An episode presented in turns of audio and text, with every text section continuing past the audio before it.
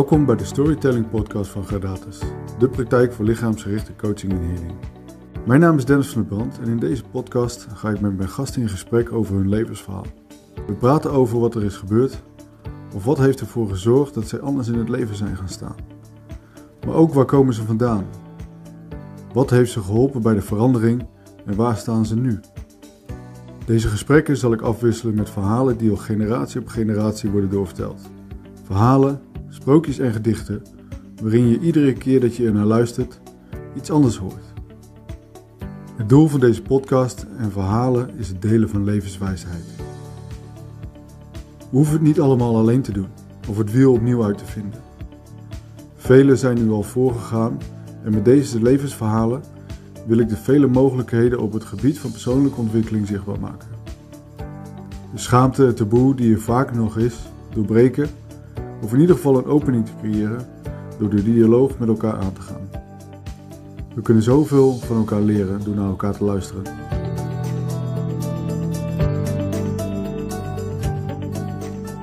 Vandaag gaan we in gesprek met Matthijs Mulder, oprichter van Triple Earth. En van daaruit bezig met persoonlijke ontwikkeling.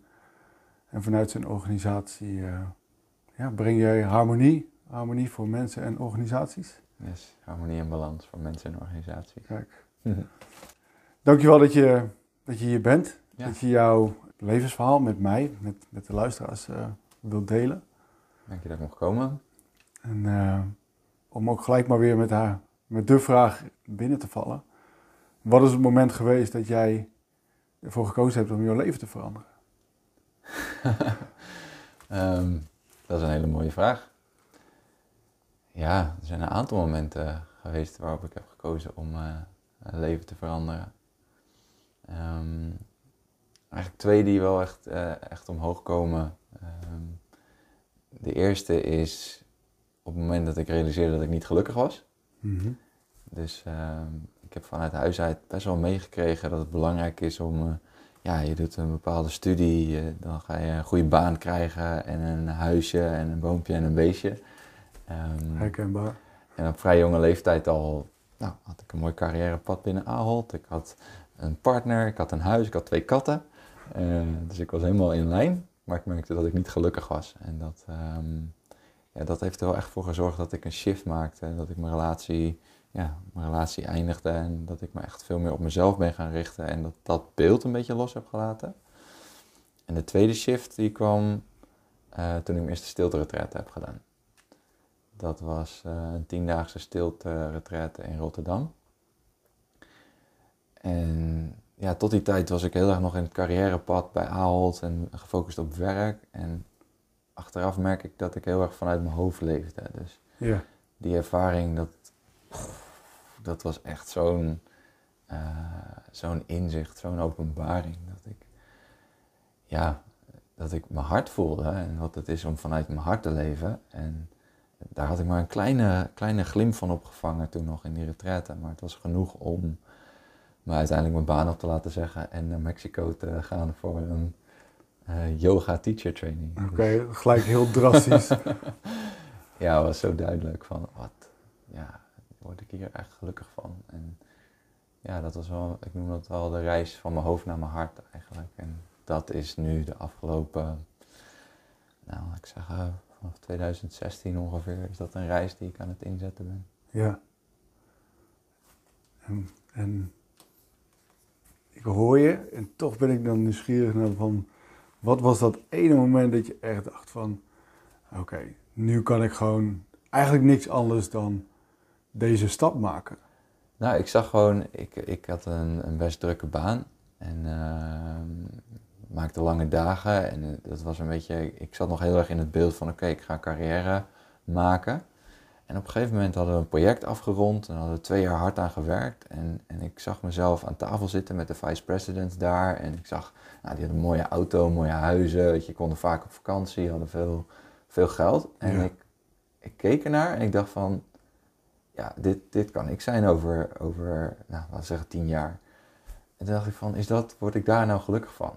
En um, ja, toen kwam er zo'n sterke nee eigenlijk. Van nee, ja, ik, ik moet, er is meer en ik moet dat leren kennen. En dat in combinatie met die stilte van, ja, wat, wat er aan rijkdom is en hoeveel duizenden jaren aan teachings daar al zijn. Ehm, in relatie tot van, ja, het, het, ontdekken van het hart en, en, en wie ik daadwerkelijk ben. En uh, die intieme verbinding met mezelf. Mhm. Dat was echt wel iets wat me zoiets had van, ja, ik weet niet precies hoe of wat, maar die retreat, het, hoofdcentrum van de retreat die ik in Rotterdam had gedaan, zat in Mexico. Dus ik had zoiets van, ik moet daarheen um, om dat te gaan leren en te ontdekken. Ja, en die, die stilte retreat, had je die gedaan voordat je die nee voelde of daarna? Dat kwam een beetje tegelijk, zeg maar. Dat was, het was alleen nadat ik die stilte had gedaan, toen was het gewoon heel duidelijk van oké, er is geen ander pad meer, zeg maar. Dat, uh, dus ik, ik voelde al dat er iets niet helemaal... Ik had het onwijs naar mijn zin om mijn werk. Ik had superleuke collega's. Ik had echt wel een baan die uitdagend was. Ik verdiende leuk en dat was allemaal prima. Maar er was gewoon iets wat, wat ontbrak. En uh, daar kon ik nooit echt woorden aan geven totdat ik dat, ja, die tien dagen in stilte uh, echt bij mezelf kwam en dat kon voelen. En toen was het ja, duidelijk. En dat was super eng, want natuurlijk iedereen om je heen die heeft zoiets van, wat, de, wat, de, wat doe je? ga je dit allemaal loslaten en dan ga je naar Mexico voor yoga? Uh, maar dat was wel heel duidelijk, ja.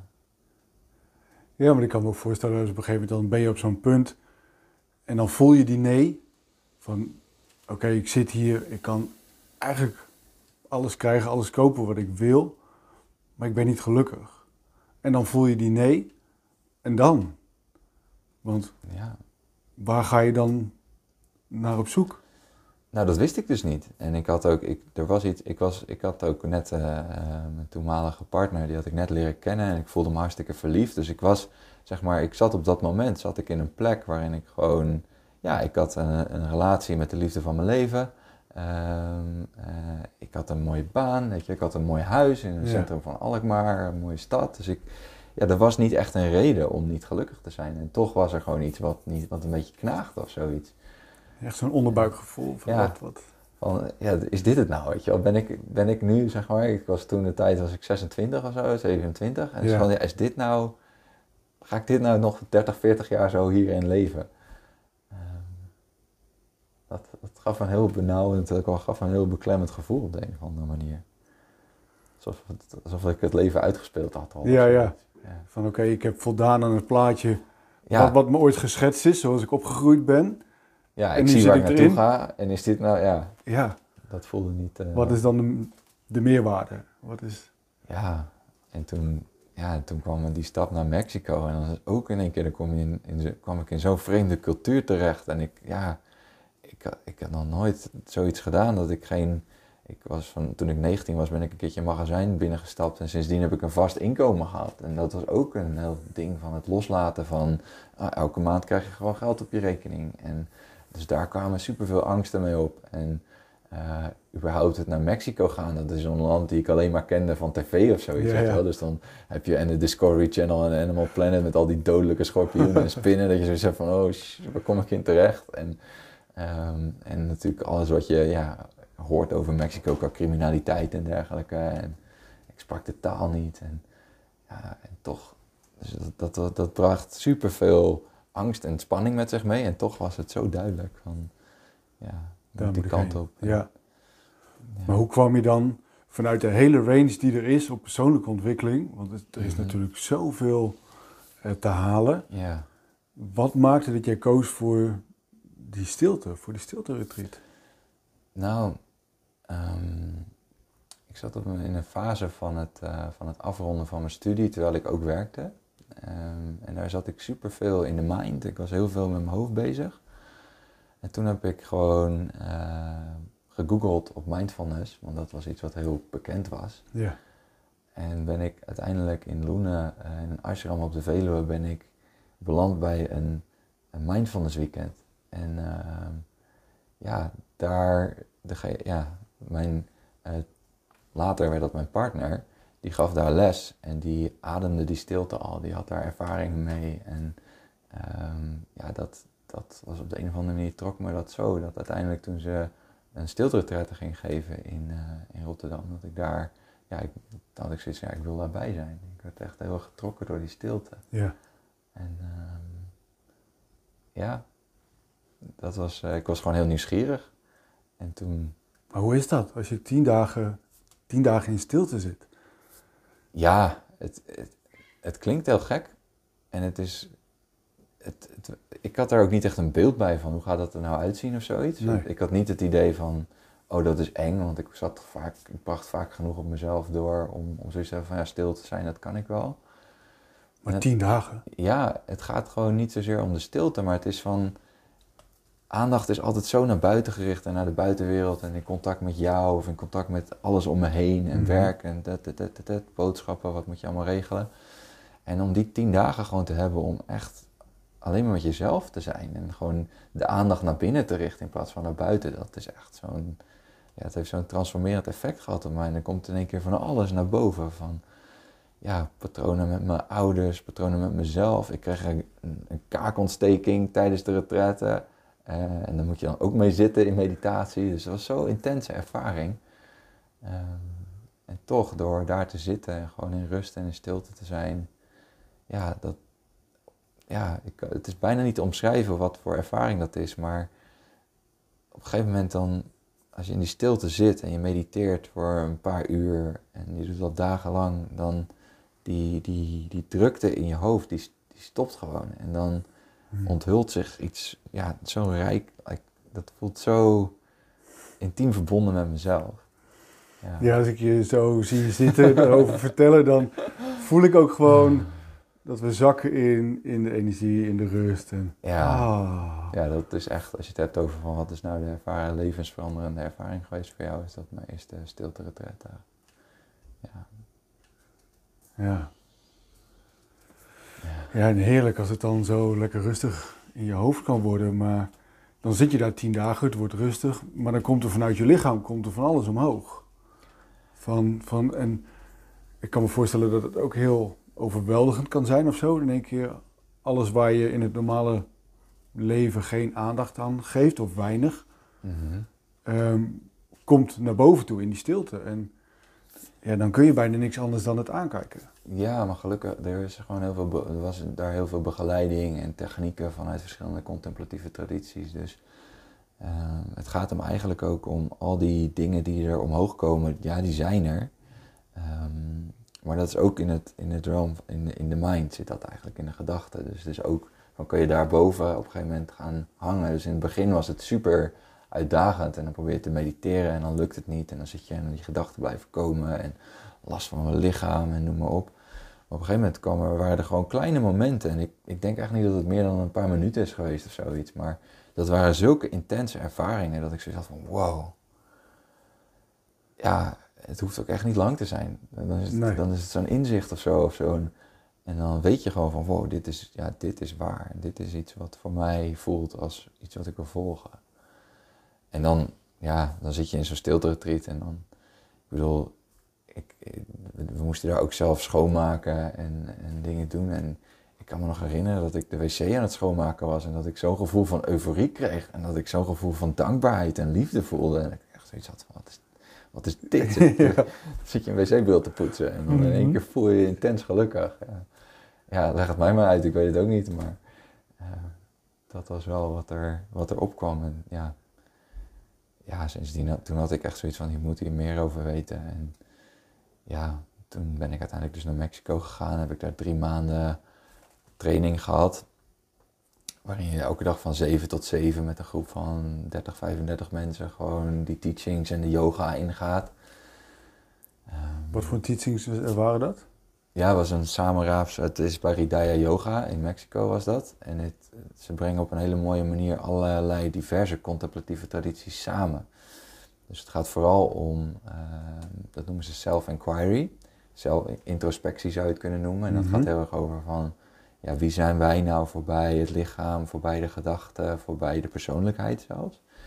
Ehm, en tegelijkertijd brengen ze daar ja, het christendom, de islam, uh, hindoeïsme, boeddhisme, ze brengen taoïsme, al die teachings brengen ze op een of andere manier samen, zeg maar. En verschillende meditatietechnieken. En, ehm, dus daar heel erg mezelf in verdiept in die periode. En na die drie maanden, uh, toen was het daar gewoon nog niet klaar. En omdat ik die business achtergrond had, en die school die was onwijs gegroeid, uh, waren ze op zoek naar iemand om het centrum te runnen daar. Dus uh, ik was daar met mijn toenmalige partner en het was de laatste dag van de, van de teacher training, van die drie maanden. En ik had zoiets van, ja, nee, ik weet niet wat ik nu moet gaan doen, want ik had mijn baan opgezegd. Ik was, ja, ik voelde me nog niet echt klaar om ja. terug te gaan naar Nederland, eerlijk gezegd. Het was zo'n wereld voor me open gegaan. En de laatste dag kwam die mededeling dus van, ja, we zijn op zoek naar iemand om het centrum te runnen. En toen had ik zoiets van, nou, dat, uh, dat kan ik wel. Pas precies in het plaatje waar ik op dit moment... Uh... Ja. En toen ehm, ja, ben ik dus uiteindelijk anderhalf jaar in Mexico gebleven. Uh, eerst nog naar Guatemala geweest voor een tiendaagse dark retreat. Dat was ook een... nadat ik die stilte had ervaren, had ik zoiets van, oké, dit... Ik had in het... Um, gehoord over dark retreats ook. Op, dat was een van de dingen die je in de teacher training leerde en ervaarde voor maar een paar dagen. Waarin je niet alleen in stilte verkeert, maar ook in totale donker. Zodat er echt geen zintuigelijke prikkels en afleiding meer was. Um, dus voordat ik daar verder ging, toen ben ik eerst naar Guatemala gegaan om daar tien dagen niet alleen in stilte, maar ook in het pikdonker door ja. te brengen. Ja, en dat was een soort gelijke transformatieve ervaring. Hoe is dat dan als je gewoon afgesloten bent van van alles eigenlijk. En ja. dat, je, ja, helemaal. Ik kan me voorstellen inderdaad, als je in stilte bent, dan, dan heb je nog je oren en je ogen en, en je kan nog van alles zien en binnenkrijgen informatie. Maar dan zit je nu in het donker ja, en dan is er niks anders dan jezelf. In stilte dan heb je de natuur om je heen en dan zie je hoe mooi dat is. En je kan nog van alles, je zou zelf nog wat kunnen lezen of zoiets. Maar dan, ja, op het moment dat je dat pikken donker instapt, het is echt, je kan helemaal niks meer. Je kan alleen maar mediteren, je kan een beetje yoga doen, je kan slapen en eten en dat is het. Want de rest is gewoon niet, ja, het, het is zo'n bizarre ervaring.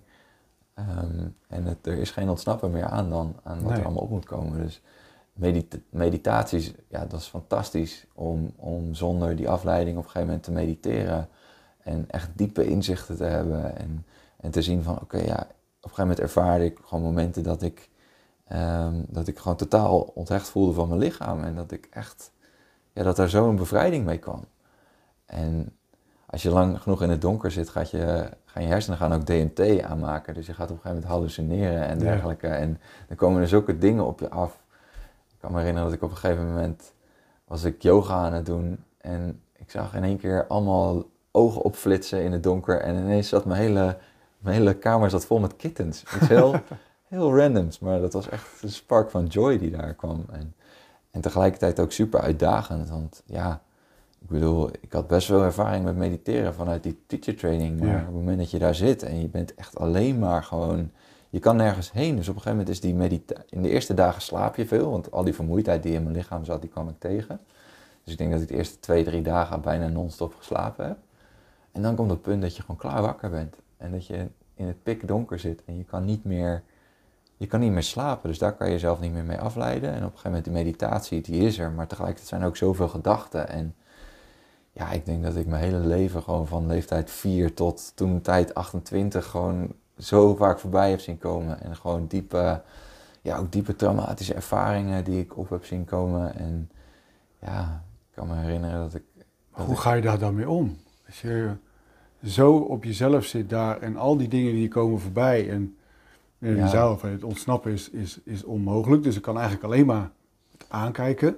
Ja, blijven observeren, doorademen. En het was echt een, een, zo'n waardevolle periode waarin ik gewoon iedereen voorbij zag komen die ik pijn had gedaan, die mij pijn had gedaan. En een manier om gewoon, op een gegeven moment dan rest er niks dan te zien van, oké, ja, ik kan dit wel vast blijven houden, maar dat, dat dient me helemaal niet. Dus Nee, dan, dan nee. komt er zo'n, ja, dat was zo'n diepe vergeving en diepe ja, contemplatie van, wow, van ja, hier gaat het niet om op de een of andere manier. En het los kunnen laten van, ja, van de meest, meest intense gebeurtenissen in mijn leven. Van, ja, waar je die spanning in je lijf voelt. En, en als, het dan, als die beelden weer opkwamen, dan was het echt walgelijk. En op een gegeven moment, de gedachten gaan je ook proberen, je mind gaat je proberen af te leiden. Dus Mhm. ik, ik zag op een gegeven moment, kreeg Ja. ik allemaal, allemaal beelden in mijn hoofd van baby's die gemutileerd werden. En, en echt de meest extreme dingen. En het enige wat je gedachte wil, is die wil dat je reageert. Want op het moment dat je reageert en ervan schrikt bijvoorbeeld, of zoiets van, "Oh, ik heb deze gedachte, dan, dan heeft hij je weer, Ja. zeg maar. En ja, om daar gewoon in te kunnen blijven zijn en, en echt gewoon in alle intensiteit en heftigheid dat te kunnen blijven observeren en terug te komen naar het hart en, en de liefde die daar is. Dat was zo'n diepe transformatie ehm, die daarmee kwam. En ja, de laatste dag kan ik me nog zo goed herinneren dat ik dan op een gegeven moment, dan werd ik voor de zonsopgang werd ik gewekt en eh, werd er op de deur geklopt van je tien dagen zijn voorbij, Ehm, ja, je kan naar buiten en ik deed een aansteker aan en, en ik kon niet in één keer meer zien. Het was echt een soort van schokkerige blokken, die kwamen weer en mijn zicht kwam langzaam terug en alles was wazig. En toen ben ik naar buiten gelopen eh, naar een pier en toen keek ik over een mooi vulkanisch meer, zeg maar in Guatemala uit, eh Lake Atitlan. En ja, ik zat daar en ik kon alleen maar de tranen die, vielen, die, die, die kwamen. En dan kan je alleen maar zien, gewoon vol bewondering naar het leven kijken. En oh, wauw, wat een gift eigenlijk, wat een gave om te kunnen kijken en te zien. En de rijkdom van het leven te ervaren zo. Ja. Ja, Mooi. zeker een Klinkt aanrader. echt. Klinkt echt. ja. Ja. Nou ja, ja, ik zie mezelf nog niet echt tien dagen zo in het donker zitten, maar ik snap, ik snap wel ehm, ja, wat, je, wat je daar brengt wat je, wat je, en wat je daaruit kan halen. Hm. Ehm, ja, en zeker alles wat, wat, er, wat er loskomt uit, dat, uit het lichaam, wat we onbewust vasthouden. In, in, in spierspanning of in, in pijnen die we in onze gewrichten hebben. En, ehm, waarvan we vaak niet eens weten wat het is. Maar op de, dat, dat soort momenten achterkomen van hé, hey, het is eigenlijk niet eens zozeer lichamelijk, maar er zit meer gewoon een psychische klacht achter. Of meer iets, een gebeurtenis in ons leven die we maar krampachtig vasthouden van Mhm. ja, durf het eigenlijk niet zo goed aan te kijken of eh, ja, het los te laten. Ehm, ja. Hmm. En ik had, ik, had zoveel, ik had zoveel vragen. in dat stuk alleen over die stilte al. Ehm, hmm. Ja, en dan, en dan kom je uit die stilte. Mhm. En dan, weet je, dan heb je je, hebt je inzichten heb je opgedaan. Je hebt, je hebt heel veel dingen aangekeken, losgelaten. eh, en dan, dan kom je weer terug in de, in de echte wereld. Ja. in mijn tijd eh, in Mexico was het na een stilte eigenlijk had ik daarna altijd gewoon heel veel behoefte aan pizza bijvoorbeeld. Of gewoon iets, iets, iets, iets grondends, iets gewoon van deze wereld. Ehm, maar het meest uitdagende daarin was, zeg maar, toen ik in Mexico, die anderhalf jaar daar ging, alles zo, zo soepel, omdat eigenlijk het hele leven daar draaide om stilte-retretes. We hadden daar een ritme waarin we tien dagen stil waren, dan hadden we drie weken een yoga-retreat en dan weer tien dagen stil en, dan, en dat herhaalde zich een beetje. Eh, en je zit daar in een bubbel van, ja, we noemen dat een beetje een bubbel van liefde, zou je dat kunnen zeggen. Mhm, Dus iedereen ja. die je daar tegenkomt. Ik kon daar niet naar de supermarkt gaan zonder dat ik mensen tegenkwam en zes knuffels kreeg of zoiets. En, ehm, dat, kunnen we ons bijna hier niet voorstellen. hè? Nee, dat is hier. Dan kom je eh, hier terug en dan kijken mensen je niet eens aan. En dan is het van, wat? Dat is zo anders. Ehm, en dat was dus ook een beetje wat er gebeurde. Want ik werkte daar eigenlijk op vrijwillige basis. En op een gegeven moment kwam er ook een bepaalde series of events... waardoor uiteindelijk het geld op was. En ik merkte van, ja, ik kan wel in deze bubbel blijven leven. En er is zoveel liefde en het is zo mooi. Maar dan is ook die... Ik kan het misschien wel vergelijken met wat er gebeurde toen ik dat huisje, boompje, beestje gevoel had. Van ja, is dit dan het leven, zeg maar? Is dit, Ja, is dit wat ik daaruit. Ben ik na de rest van mijn leven hier tevreden? En dat was ook niet zo. Dus toen was het van. Ja, er moest iets komen om weer een beetje uitdaging te geven. En ehm, ik werd door een eh, voormalig manager eh, die ik had bij Ahold, werd ik benaderd. Die was toen COO geworden bij eh, International Bike Group van fietswinkel.nl en dergelijke. En die hadden me al benaderd voor een ja, die waren een, een, een home delivery, een, een bezorgafdeling aan het opzetten. En die hadden zoiets van, ja, ben je nog aan het rondreizen of heb je alweer zin in, in, in een uitdaging? ja. En toen had ik zoiets van, nee, ik zit hier goed. Eh, maar toen dat in één keer opkwam, toen, toen ja, ik moest op een gegeven moment, uh, kwamen er dingen op met mijn huis, die moest ik verkopen. En, dus ik, en ik zat in de schulden en ik moest in één keer, ja, ik moest wat. Dus toen ehm, toch weer benaderd. En voordat ik eigenlijk geland was, had ik de baan al. In, dus ik kwam eigenlijk vanuit een klein dorpje in Mexico, waar ik volledig alleen maar in de yoga en stilte zat, kwam ik in een corporate omgeving in het centrum van Amsterdam terecht. En dat was zo'n zo'n mindfuck was dat. was dat, om, dat was echt zo'n shock. Ja, dat zijn twee systeem. totale werelden, die, die zijn zo verschillend van elkaar. Ja, ik wist ook echt niet, als ik ook terugkijk, gewoon wat voor shock dat is geweest toen uh, voor mij en mijn partner op dat moment, om, om vanuit zo'n omgeving terug te komen en ja, vast willen houden aan het ritme van meditatie en ik had daar een werkritme dat ik, ik stond op om een uurtje of zes. Ik liep op mijn gemak, liep ik naar de zee. Ik ging zwemmen. Ik zag de zon opkomen. Fantastisch. En ik had lekker gezwommen. Ik ging naar huis, ging douchen. Ik ging naar de ochtendmeditatie. Dat was dan van 7 tot 8. En dan ging ik van 8 tot half 2 s middags soms ging ik yoga doen. Ja. En dan kwam ik echt in een staat van ontspanning en relaxation kwam ik aan. En dan ging ik werken. En dan gingen we s'avonds, nou, totdat we s'avonds gingen eten. En dan gingen we nog dansen of zingen samen. En dat was het leven. En toen zat ik in één keer in het centrum van Amsterdam. en, en, ik moest... In één keer zat ik in een, in, in, weer in een, in een magazijn en een kantoorpand. En met leveranciers en met collega's. En sowieso een stad van, van zoveel honderdduizend mensen. En zoveel prikkels om me heen. Dat ik echt... Ja, ik weet niet meer zo goed hoe, ik dat, ik, ik, hoe dat gegaan is. Toen ik het is niet dat je s ochtends naar het ei ging, daar je baantjes trok en de zon op zag komen. Ja, dat is het punt. Dus ik had zoiets van, ik moet dat yoga vasthouden. Dus ik ging proberen om dat ritme vast te houden. Dus wat er ging gebeuren is dat ik, ik ging vroeger opstaan om ervoor te zorgen dat ik toch een beetje kon mediteren en yoga kon blijven doen. En dan toch het werk kon blijven doen. En ehm, op de een of andere manier, dat ging dan ten koste van slaap.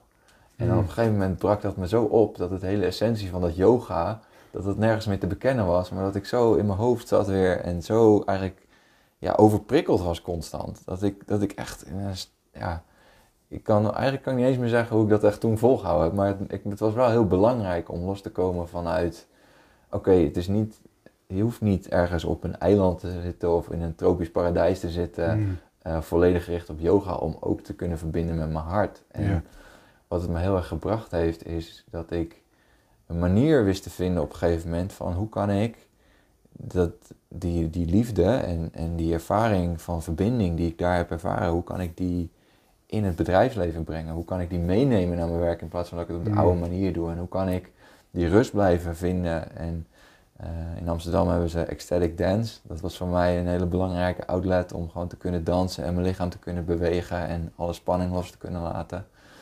En ik merkte gewoon, en dat is eigenlijk ook waar mijn bedrijf Triple Earth nu vandaan komt, is dat in het combineren van yoga en de teachings die ik en, en wat ik daar heb meegemaakt met het bedrijfsleven, gewoon hele simpele dingen zoals het loslaten van resultaten en gewoon je best doen. Uh, dus, ja, dat, is dat mogelijk? Dat, zo vertaal ik dat dan. Hè? Dus daar zeg je eigenlijk van letting go of results en just trusting. Dus het loslaten van resultaten en gewoon vertrouwen. Maar als ik dat vertrouw naar wat je hier zegt, van ja, ik kan niet meer dan mijn best doen, of uh, doe maar gewoon je best, weet je, dat is...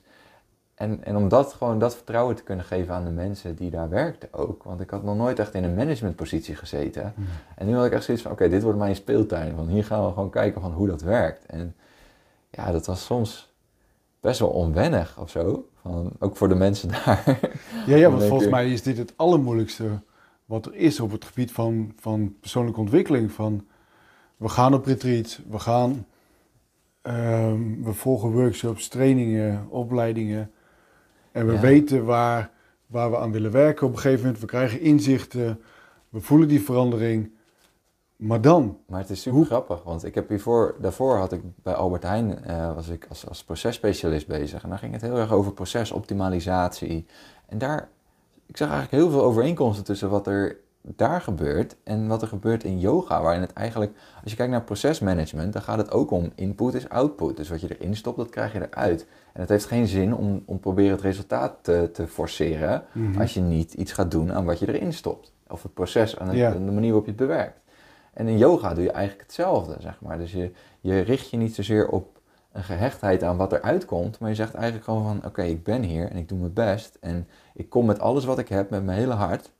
Eh, en dan vertrouw ik op wat, dat wat er uitkomt, dat dat klopt. Ja. En om dat te brengen aan de mensen op het werk en gewoon te vertrouwen in van, oké, en dat bracht bij mij ook wel, ja, ik heb best wel een control freak in me, zeg maar. Dus het was echt niet zo rooskleurig als dat het misschien nu klinkt. Maar... Want hoe heb je dat dan gedaan? Weet je, je ik begrijp wat je zegt. En, en, maar toch zul je, hoe ga je dat, dat gevoel integreren in, in dat bedrijfsleven waarin we, of in deze maatschappij waarin we toch op een bepaalde manier opgevoed worden van, ja, de resultaten zijn belangrijk. Ja. En hoe kun je dan op een gegeven moment nou, ik had de mazzel dat ik in een bedrijf kwam waar ze niet zoveel wisten van mijn vakgebied. Dus ik werd, werd echt ook als expert binnengehaald. Dus ik had heel veel vrijheid om te doen wat ik zelf uh, goed achtte. Ja. Ehm, en omdat ik ook, zeg maar, het, het is niet zo dat het gaat om van, oké, je zet er gewoon wat mensen neer en doe maar je best en dan komt het vanzelf wel. Het, er is wel degelijk ook een, een kennis nodig en een vaardigheid natuurlijk. Maar omdat ik dat deel al had, uh, was er voor mij gewoon heel veel ruimte om te experimenteren uh, in het contact met de mensen. En te zien van, ja, wat vind jij eigenlijk? Waar ben jij goed in? Wat vind jij leuk om te doen? En te zien van, als je daarop richt, wat er dan uitkomt. En uh, ja, dat, dat was voor mij echt wel, uh, ja, was een hele mooie periode om te zien dat er dan ook daadwerkelijk, dat dat succesvol is. Want dat is een mooie theorie natuurlijk. Mm Maar om te zien wat er gebeurt op het moment dat je mensen verantwoordelijkheid geeft, uh, op een verantwoorde manier. En gewoon hun, ja, gewoon ten dienste staat van de mensen. Dat is nog zo'n ding wat ik vanuit het yoga heel erg had. Van je dienstbaar opstellen. Van, het gaat niet om mij als manager. Het gaat om, ik ben er eigenlijk alleen maar om hun te ondersteunen en te faciliteren. Ja. En, en die houding, dat gaf zo'n kracht eigenlijk. En, en ook moeilijk, want het is van, ja, wanneer laat je los, wanneer laat je niet los. Um, maar ik merkte vooral dat het ook heel veel werkplezier uh, opbracht. En dat het dat de sfeer, die was echt te snijden op de afdeling toen ik binnenkwam. En er was heel veel wantrouwen. En op een gegeven moment zag je gewoon mensen opbloeien en zag je weer ja, Uh, bijna een soort van vriendschappen ontstaan op het werk. En dan zie je dat je gezamenlijk ja, op een hele natuurlijke manier een bepaalde richting op beweegt. Maar dat je dus ook fouten mag maken? Ja. Of fouten? Wat is een fout? Ja, inderdaad. Wat iets anders doet dan dat misschien een ander verwacht had. Ja, en, toen, en toen kwam ik weer een andere plek voor mezelf tegen, waarin ik juist te veel eigenlijk ging op dat stuk van oké, eh, mensen niet confronteren. Dus niet mensen, als, als mensen dan een beetje de kansje ervan aflopen om ze dan niet aan te spreken. Ja. Uh, dat was wel een valkuil die daar heel erg tegenkwam.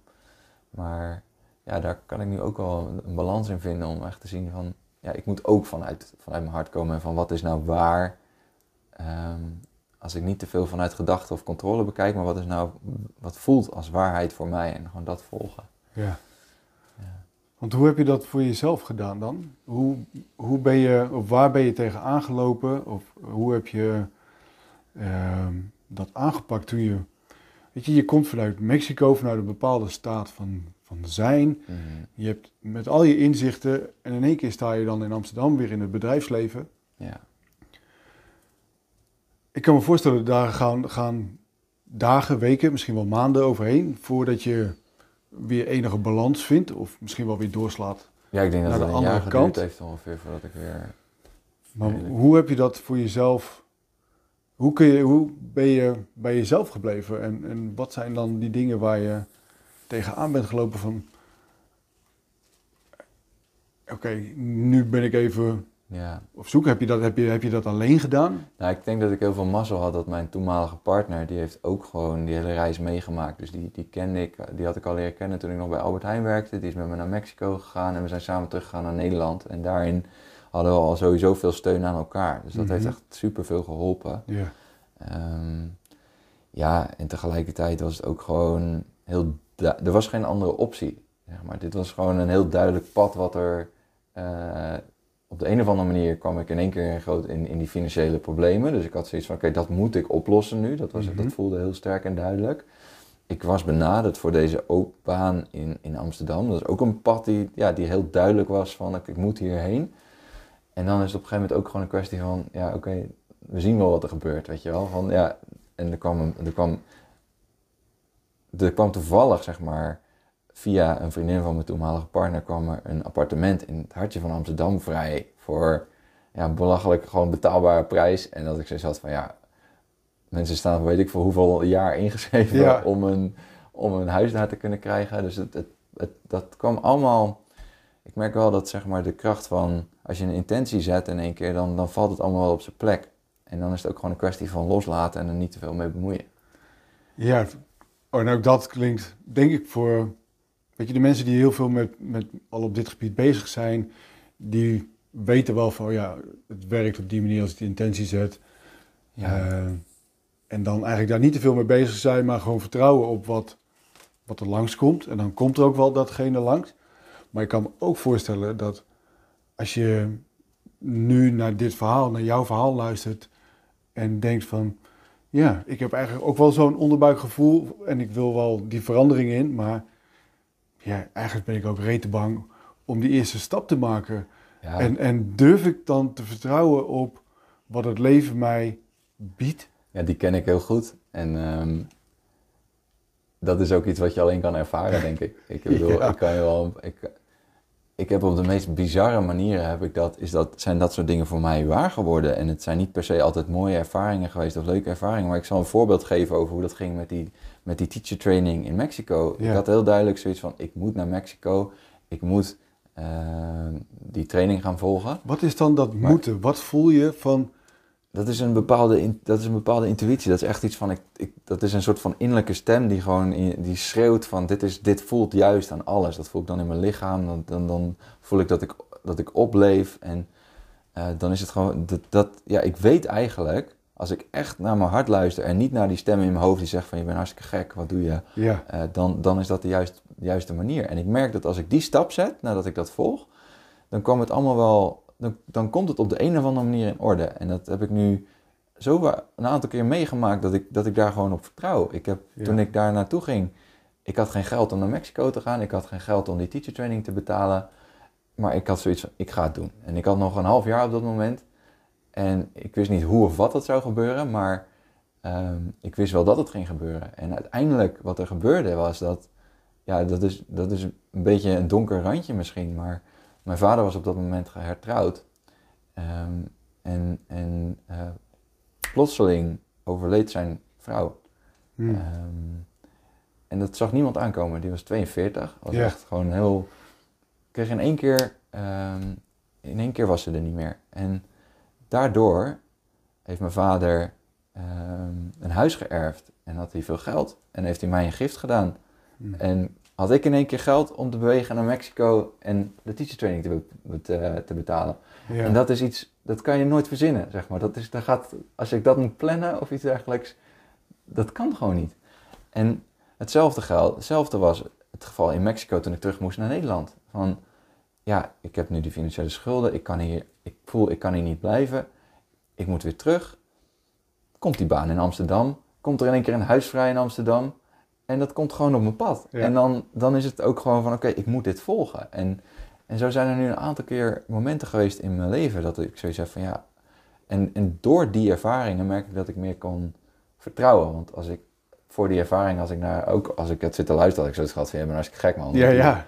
Ehm, maar op de een of andere manier komt het gewoon op de meest gekke, ja, gekke manieren Mhm. komt het allemaal samen. En dan zeggen ze van, ja, vertrouw op het universum. En ik weet hoe zweverig en hoe vaag dat klinkt, maar het werkt echt. En- Ja, nee, ik kan het niet anders dan beamen. Want ook in mijn leven heb ik een aantal van dat soort dingen en ook van dat soort stappen gemaakt. Ja. ehm, waarvan ik niet anders kon dan eigenlijk dat mijn lichaam volgen van hé, we moeten die kant op en geen idee hoe en waar naartoe, met wie en wat, maar ga maar. En dat ik dan die stap maak door die angsten heen. En dan in één keer gaat er een wereld open. Zeker. En dan denk ik, oh wauw. En toch een volgende keer loop ik weer tegen diezelfde angst aan. Ja, want Dan sta ik weer voor die. Ik denk, ja, ik voel het wel dat ik moet gaan. En ik weet wel dat het goed gaat komen. Maar ik durf eigenlijk nog steeds niet. Nee, je wordt elke keer uitgedaagd om toch een stapje uit die comfortzone te zetten en om, om jezelf op te rekken tot zover je kan. En ik merk dat dat is iets, ja, daar komt ook een stuk persoonlijke ontwikkeling vandaan. Dat is echt iets waar, me, dat is waar mijn passie ligt. En ja, ik merk dat gevoel wat ik had toen ik mijn huis had, toen ik in Mexico zat van, is dit het nou? Weet je wel, is dit, is dit, ga ik zo oud worden? Ja. Elke keer als dat gevoel op begint te komen, dan, dan komt er iets en dan, eh, eh, ja, dan wordt eigenlijk mijn hele leven weer omgegooid. En eigenlijk is dat ook het hele leven, hè? Gewoon Ja. de verandering. Ja, en om daarvan, ik bedoel, ik zit hier nu met een hele grote glimlach. Ja, ja. Om daarvan te kunnen genieten, dat is eigenlijk de kunst. Want er is ook een heel groot deel wat gewoon zo zich samentrekt en zo zoiets heeft van, oh my god, wat komt er nu weer? Oh my Ja. god, en hoe gaat dit lukken? Maar ja, ik merk wel dat ik, ehm, naarmate dat meer gebeurt, des te meer vertrouwen er komt. En ja, dan eh, leef je het leven, zou ik zeggen. Ja, ja. Ja, heerlijk. Hey, wat heb jij op persoonlijke ontwikkeling nog meer gedaan naast de, de, de stilte retreats, de dark retreat, maar ook de yoga? En is daar nog meer? Ja, dat is altijd al een thema geweest eigenlijk. Ik denk dat toen ik twintig was, dat ik... eh, eigenlijk daarvoor al, toen ik op het hbo zat, heb ik een minor kunnen doen. Eh, dat was toen een experiment in Haarlem, dat heette Vind je bron. Oké. Dat is de meest transforme- dat transformatieve eh, stuk wat ik uit mijn opleiding heb gehaald. En dan bedoel ik niet negatief richting de opleiding, maar dat was, dat was drie maanden ehm, waarin het echt ging om persoonlijke ontwikkeling. Dus wat je gevraagd werd was elke dag eh, een uur mediteren. eh, elke dag ook schrijven van wat, wat is je ervaring. Mhm. En ik werd in aanraking gebracht met yoga, met meditatie, met tantra, met, met allerlei, met tai chi, met allerlei dingen. Ehm, met allerlei spirituele tradities. Ja, die mij echt op het gebied van persoonlijke ontwikkeling openden naar van wauw, wat is, wat is dit wezen wat ik ben, waar ik eigenlijk eerst nog nooit zozeer bij stil heb gestaan. En ja, vanuit daar zijn allerlei dingen op mijn pad gekomen. Cursus spiritueel eh, begeleider, eh, waarin ik met healing bezig ging en met aura reading en, en allemaal dat soort zweverige dingen. Ehm, en ik ben ook bezig. Je noemt het zweverig. Is het? Ik zei, zweverig zeg ik met een glimlach, zeg maar. Mhm. Dus ik weet. Eh, Nee, maar ik weet dat ja. ik ken ook heel veel mensen, ook vrienden om me heen, die ook zoiets hebben van... Hey Dennis, leuk dat je hier allemaal mee bezig bent, maar het is allemaal toch zweverig. Ja. Zweverig is zo... Zweverig is niet per se negatief, zeg maar. Het is, het is een meer subtiele manier van werken, zeg maar. Dus als ik nu ehm, iets in elkaar ga timmeren, dan doe je iets heel tastbaars. Of als ik Mhm. jou een massage geef, dan voel je echt wat ik doe. Ja. En als ik energetisch aan het werk ga, ja, hoeveel mensen zijn zich bewust überhaupt van dat ze een energetisch lichaam hebben? Eh, en Ja. in de Oosterse tradities is dat heel normaal, is dat heel standaard. Eh, maar in het Westen staan we daar toch eigenlijk niet helemaal bij stil. Dus als ik het dan heb over zweverig, dan doe ik meer gewoon dat ik op subtielere niveau aan het werk ben. En ehm, ja, dat, dat daar ook een hele ja, wereld zit die eigenlijk we niet kennen. En sinds ik me daarin ben gaan verdiepen, heeft dat ook zoveel rijkdom in mijn leven gebracht. Ja. En ik kan me ook voorstellen dat, ehm, dat het woordje zweverig erop geplakt wordt, ehm, omdat we het eigenlijk niet naartoe willen. Dat, het, dat we er een soort afstand, weerstand tegen hebben van, oké, laten we het dan maar zweverig noemen, want dan hoef ik er niet naar te kijken. Want dan Dus is een dat... enorme paradigma shift op een gegeven moment dat je, dat, je, dat je realiseert dat er nog zoveel meer is dan dat je eerst dacht, zeg maar. Mhm. Dat, dat is een, een behoorlijke stap uit, was in ieder geval een behoorlijke stap uit mijn comfortzone, die voor mij heel veel herkenning gaf en, en voor mij juist echt, echt tranen van, van ontroering en herkenning bracht. Maar ik kan me voorstellen dat het ook ja, voor sommige mensen heel ongemakkelijk kan voelen.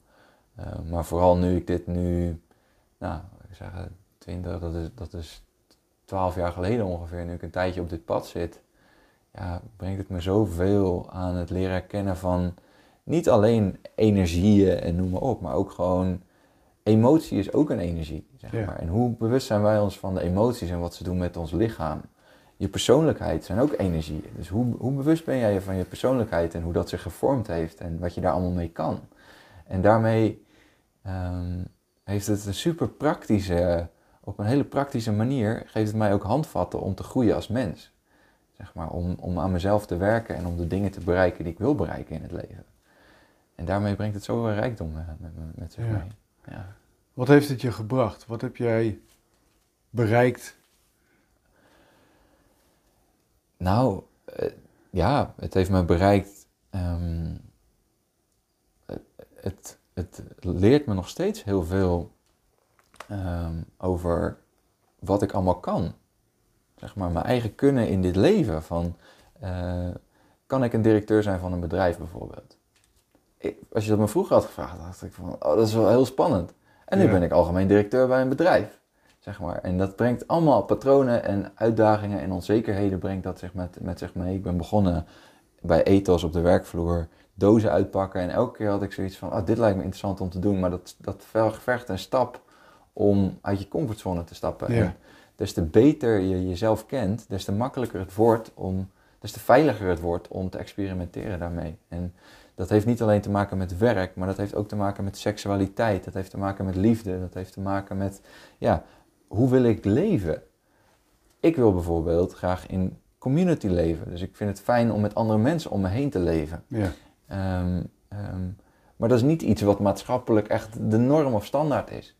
Ehm, en, en toch vind ik het belangrijk. Dus, en zodoende zit ik nu in een woongroep in Hemmerik, in Friesland. Op een fantastische plek in de natuur.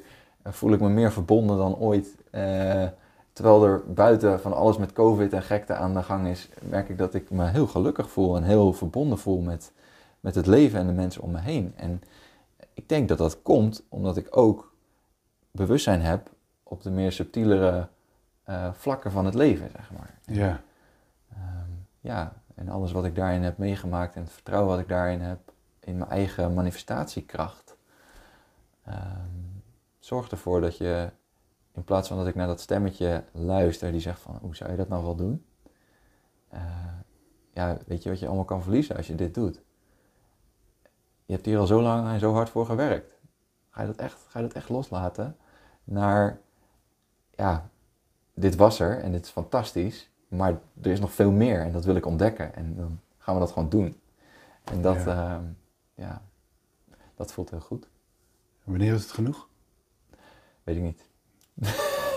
Is het ooit genoeg? Ik denk niet dat het ooit genoeg is, nee. Nee, ik denk dat dat gewoon de rest van mijn leven door blijft gaan. Maar het zorgt er wel voor dat ik een aantal gekke sprongen gemaakt heb. dus ik ben heel benieuwd wat de toekomst brengt. Ja. Ja, en wat is dan gek? Weet je, vaak is het dan meer een observatie van de buitenwereld die iets gek vindt wat jij gedaan hebt. In plaats van dat jij gewoon jouw gevoel gevolgd hebt en jouw leven leidt. Zeker, maar elke keer als zoiets gebeurt, dan voelt het alsof de grond onder me vandaan getrokken wordt. En dan heb ik zoveel stemmen in mijn hoofd die zeggen van je bent helemaal gek. Moet je dit nou wel doen? En dan op een gegeven moment dan, ja, dan vergt het gewoon ook een luisteren naar die stemmen en zeggen van ja, ik hoor wat je zegt, maar je hebt niet per se gelijk. En ik ga het toch doen. En ehm, ja, Is dat de kunst om binnen deze maatschappij, maar ook dus gewoon een normale baan te kunnen hebben, ja, iedere keer weer bewust te worden van wat gaat er in mij om? Wat voel ik? Wat, welke stemmen heb ik? Ja, wat voor mij nu Eh. een heel erg proces is om te luisteren naar mijn waarheid. Dus die intuïtie waar ik het net over had, dat scherpe gevoel van dit is voor mij juist. Wat niet vanuit mijn hoofd komt, maar vanuit mijn lichaam. Mhm. Om dat te leren volgen, ondanks alle dingen die er in mijn hoofd zich afspelen. Zonder dat ik natuurlijk helemaal gewoon de realiteitszin verlies. Maar Ja, ehm, ja, echt gewoon daar de randjes in op te zoeken. En zeggen van, hé, hey, wat gebeurt er nou als ik gewoon puur leef volgens wat voor mij juist voelt? En niet te veel rekening houden met wat andere mensen daarvan vinden, wat ik zelf daarvan vind. Wat, ja, ja. gewoon echt te gaan voor wat, wat mijn passie is en wat voor mij goed voelt. Dat, eh, dat is het, denk ik. Het voelt, het voelt waanzinnig. Weet je. Ik zie jou hier zitten nu met een smile op je gezicht, een twinkeling in je ogen. En gewoon van, ja, het voelt zo goed. Het voelt zo goed om te kiezen voor, voor wat ik voel. Ehm, en ja, jij, ik, en alle anderen die ik, die ik gesproken heb in, in, in, in deze podcast. Ehm, we lopen bijna allemaal hetzelfde pad van, oké, mijn gevoel zegt iets anders dan dat me ooit aangeleerd is. Ik kan niks anders dan het volgen. Ik ga door mijn angsten heen. En dan gaat daar die andere wereld open. Ehm, en ben ik eigenlijk nog weer als een klein kind verbaasd van, en verwonderd van wat, van wat er nog veel meer is. En hoeveel ruimte en ontspanning dat eigenlijk geeft in mijn, in mijn lichaam, in mijn Mm. hele zijn. Ehm, Daar zit zoveel rijkdom. ja, Ja. ja dat, is, dat, is, dat zegt zoveel meer dan een pak geld op de bank. Mm. En dat mag Eh, ook. Ja, ja, nee, tuurlijk. Het is leuk. Ik hou ook nog steeds van geld. Ja. En ik vind het geweldig om uit te geven. En, ehm, maar ik, er is geen waarde meer. Dus, Nee, nee. het is zoveel meer dan dat. Ja, die waarde zit op hele andere gebieden dan op dat oude, op dat geld. Ja. Op dat... Hmm. Ja. Hmm. Ja, Ik zou bijna vragen, is er nog iets wat je mee wil geven? Maar het Volgens voelt, het, voelt, voelt heel compleet. het voelt heel goed, heel compleet. En, ehm, ja, ik merk dat ik ook weer vol bewondering naar jouw verhaal heb zitten luisteren. Ja. De, de flexibiliteit, de veerkracht die jij, die wij als mens hebben om, om ons leven te veranderen. En te kiezen voor ja, dat onbekende, voor dat wat we echt willen. Ja, heerlijk. Dankjewel. Ja, jij bedankt. Dat was een heel mooi Dankjewel gesprek. dat je je verhaal wilde delen. Ja. Hmm. Dit was weer een boeiend levensverhaal waar ik met veel bewondering op terugkijk. Onder deze podcast of op de website van gradatus.nl vind je de in het gesprek genoemde informatie met betrekking tot persoonlijke ontwikkeling. Hier kan je ook jouw vragen en review kwijt of je aanmelden voor de nieuwsbrief om als eerste op de hoogte te blijven van een nieuwe podcast. Mijn naam is Dennis van der Brand en ik bedank je voor het luisteren. En zie je graag weer bij het vuur voor een nieuw levensverhaal. Aho.